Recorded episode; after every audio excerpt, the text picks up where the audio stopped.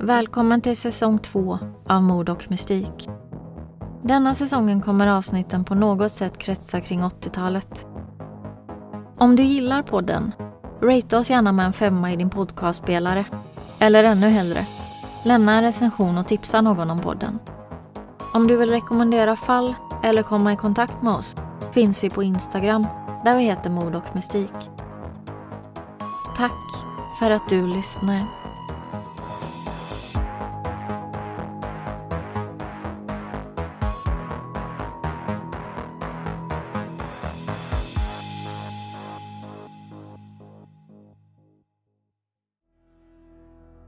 Välkommen till den andra delen av berättelsen om seriemördaren Richard Ramirez.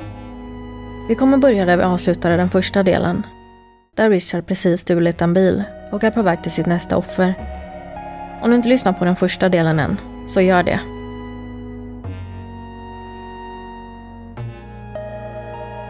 Det här är berättelsen om Ricardo Leiva Munoz Ramirez. Mer känd som Richard Ramirez, eller The Night Stalker. En ökänd seriemördare och våldtäktsman som härjade i Los Angeles under mitten av 1980-talet. Smeknamnet The Night Stalker myntades på grund av hans satanistiska symboler och uppmaningar till sina offer under sina våldsdåd. Fram till hans död år 2013 försökte man analysera hans sinne och hans bakgrund för att försöka förstå hur han hade kunnat förvandlas till ett monster. Och Richard Ramirez förblir en av de mest ökända seriemördarna i amerikansk kriminalhistoria. När Richard slutligen greps år 1985 hade 13 personer hunnit falla offer för hans hänsynslösa våld. Offer som valts ut slumpvis, utan något som helst motiv.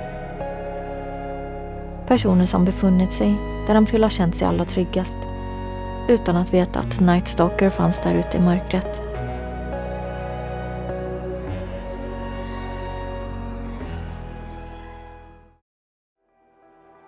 Den 8 augusti är Richard återigen ute på jakt. Han upprepar sitt vanliga tillvägagångssätt och stjäl en bil som han använder för att ta sig till 31-åriga Elijah och kanske 7-åriga fru Sakina Abovaf. Strax efter två på natten tar sig Richard in i hemmet och går i riktning mot deras sovrum.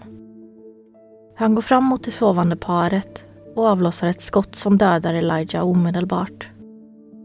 Sen sätter han handbojor på Sakina och tvingar henne att berätta vart alla värdesaker finns.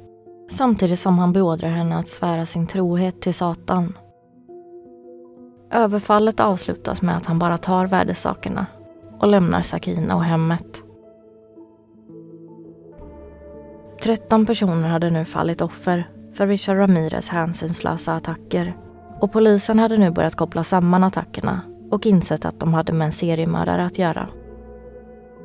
Detta var dock inte något de hade gått ut med offentligt då de inte ville riskera att skrämma bort gärningsmannen.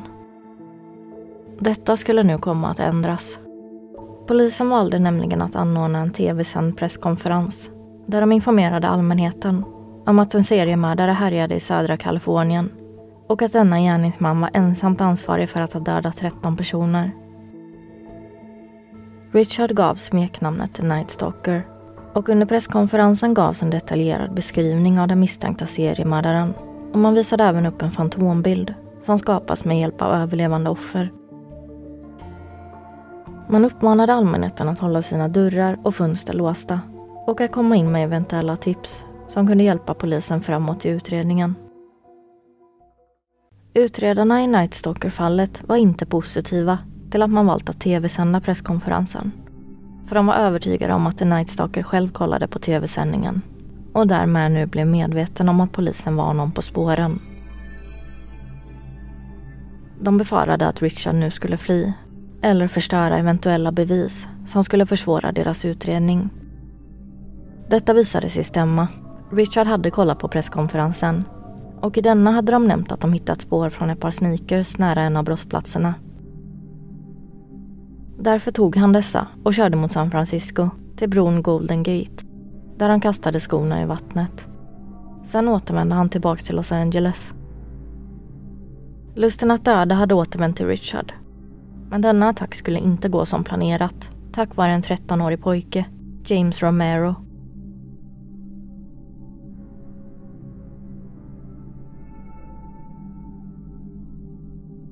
Den 24 augusti hade Richard checkat in på ett motell i Chinatown. Han var medveten om tv-sändningarna och att dessa hade skapat stor oro hos allmänheten som därför var mer vaksamma än tidigare. Därför höll han sig borta från centrala Los Angeles.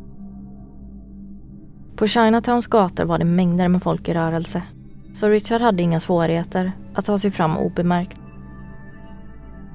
Han såg tidningsartiklar med första sidor om sig själv. Något som fick honom att känna sig stark och odödlig. Han började fantisera om människorna han passerade på gatorna. Hur det skulle vara att binda dem, våldta dem och döda dem. Lusten hade väckts i The Night Stalker. Och nu var han ute efter ett nytt offer. Framför en restaurang i Chinatown stod en orange Toyota Station Wagon som han stal och sen använde sig för att ta sig 12 mil söder om Los Angeles till Orange County. Detta var längre ifrån stadskärnan än han någonsin letat offer tidigare. Efter att ha hittat ett hus parkerade han bilen och smög ut i mörkret i riktning mot fastigheten. I huset som ägdes av 45-åriga James Romero Jr som låg och sov. Hans son, 13-åriga James Romero den tredje, var dock vaken. Han hade gått upp för att hämta en kudde från en av familjens bilar som stod parkerad på utsidan. Väl ute kunde pojken höra hur det prasslade i några närliggande buskar. Så han skyndade sig tillbaks till huset och låste dörren. Sen gick han till sina föräldrar och väckte dem. För att sen gå till sitt eget rum och titta ut genom fönstret för att se om han kunde se något här ute i mörkret. Richard som hade suttit och gömt sig där i buskarna när 13-åriga James befunnit sig på utsidan hade märkt att pojken skyndat sig tillbaks till huset. Vilket fick honom att tro att han blivit upptäckt. Han valde därför att ta det säkra före det osäkra och avbryta jakten och istället fly från platsen. När Richard gick mot den stulna Toyotan märkte han inte att James stått och observerat honom genom sovrumsfönstret. Och 13-åringen gjorde mer än så. Han tog nämligen mod till sig och lämnade återigen huset för att hinna se vart Richard tog vägen. Därför hann han både se färgen på bilen och delar av registreringsnumret på fordonet Richard hoppat in i. Denna händelse utspelade sig över 12 mil från där Nightstalker-attackerna skett. Så familjen Romero drog inte själva slutsatsen att det var en seriemördare de sett.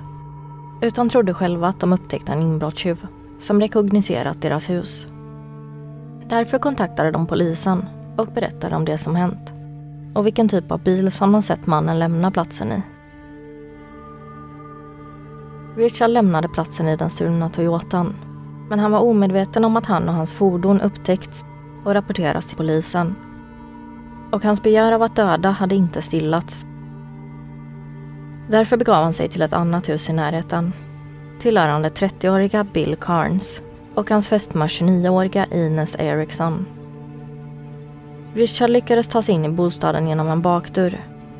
Och i vanlig ordning begav han sig till husägarnas sovrum.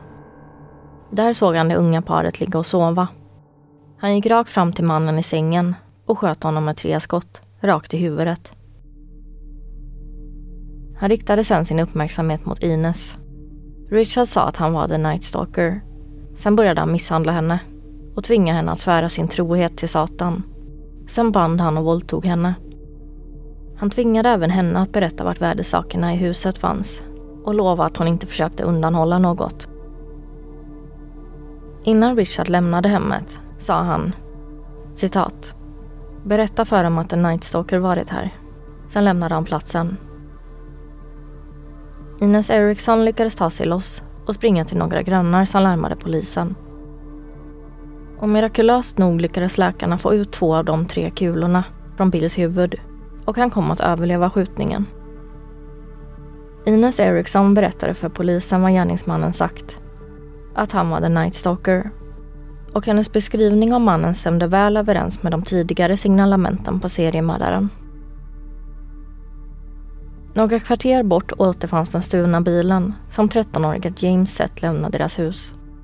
Och när polisen undersökte den kunde de säkra ett fingeravtryck från backspegeln. De sökte efter fingeravtrycket i databasen och fick nu fram ett namn på sin seriemördare. Richard Ramirez. Han fanns med i registret för att vid flertalet tillfällen gripits för droginnehav och diverse trafiköverträdelser. Att man kunde matcha fingeravtrycket och på så vis identifiera gärningsmannen redan år 1985 har beskrivits som ett mirakel. Detta då systemet precis blivit tillgängligt och bara inkluderade personer födda efter 1 januari år 1960. Alltså bara en månad innan Richard föddes. Polisen gick nu ut med den bild de tog på Richard efter det att han gripits för bilstöld året innan. Och i presskonferensen som senare hölls sa de Vi vet vem du är och snart vet alla andra också. Det finns ingenstans du kan gömma dig. Den 31 augusti, efter att ha varit i Tucson, Arizona för att hälsa på sin bror, stiger Richard Ramirez av bussen tillbaka till Los Angeles. Då inser han att hans ansikte pryder varenda första sida på varenda dagstidning. Något som får honom att få fullständig panik. Han springer till närmaste bilväg där han stoppar en bil som körs av en kvinna. Andra förbipasserade ser Richard försöka slita ut kvinnan ur bilen och försöker hjälpa henne och hindra Richard från att ta bilen. Så han hoppar över några staket och försöker på nytt stanna några andra bilar för att istället stjäla någon av dem.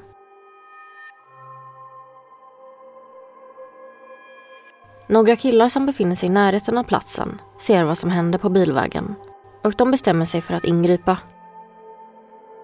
En av killarna tar med sig ett järnrör och samtliga flyger på Richard. Killen med järnröret slår Richard i huvudet så han faller till marken samtidigt som hans vänner turas om att slå och hålla nere honom tills dess att polisen kom och kunde gripa Richard.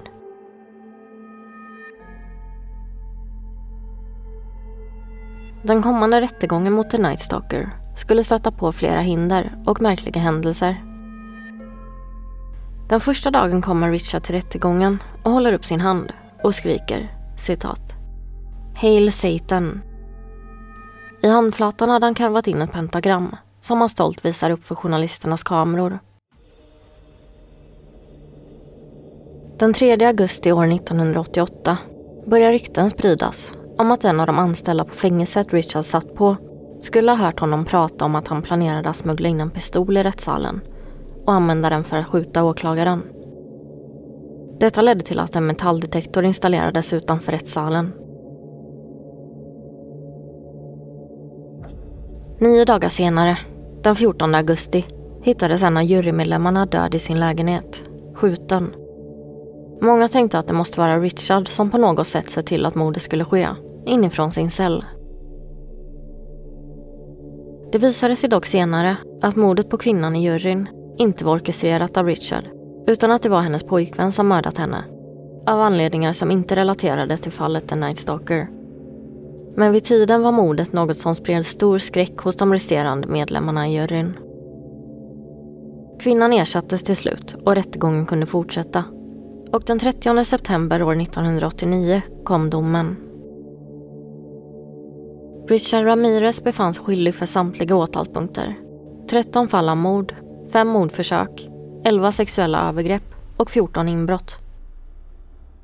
Och The Night Stalker fick det ultimata straffet. Han skulle bli avrättad. Richard förflyttades till Death Row där han spenderade mer än 23 år i väntan på att straffet skulle verkställas. Under den långa perioden i fängelse utvecklade han cancer vilket gjorde att han dog år 2013, 53 år gammal. Den långa tiden bakom galler spenderade Richard bland annat med att svara på många av de beundrarbrev han fått från kvinnor från hela USA. Många tyckte han såg bra ut och hans makabra sätt att nå kändisskap verkade skrämma iväg långt ifrån alla. Faktum är att Richard kom att gifta sig med ett av sina många fans. En kvinna vid namn Doreen som han brevväxlat med under tiden i fängelse. Många av alla dessa fanbrev finns än idag bevarade på amerikanska seriemördarmuseum som en slags murderabilia. Där finns både brev och bilder Richard själv fick under sin tid i fängelse. Men även det brev han själv skickat till svar. Kändisskapet kring denna brutala seriemördare ledde även till en intervju med The Night Stalker. Där han bland annat tillfrågades om hur han får någon han verkligen gillar att lägga märke till honom. Varpå han svarade, genom att dra min pistol. Richard fick även frågan vad hans favoritmat var. Och svaret blev kvinnors fötter.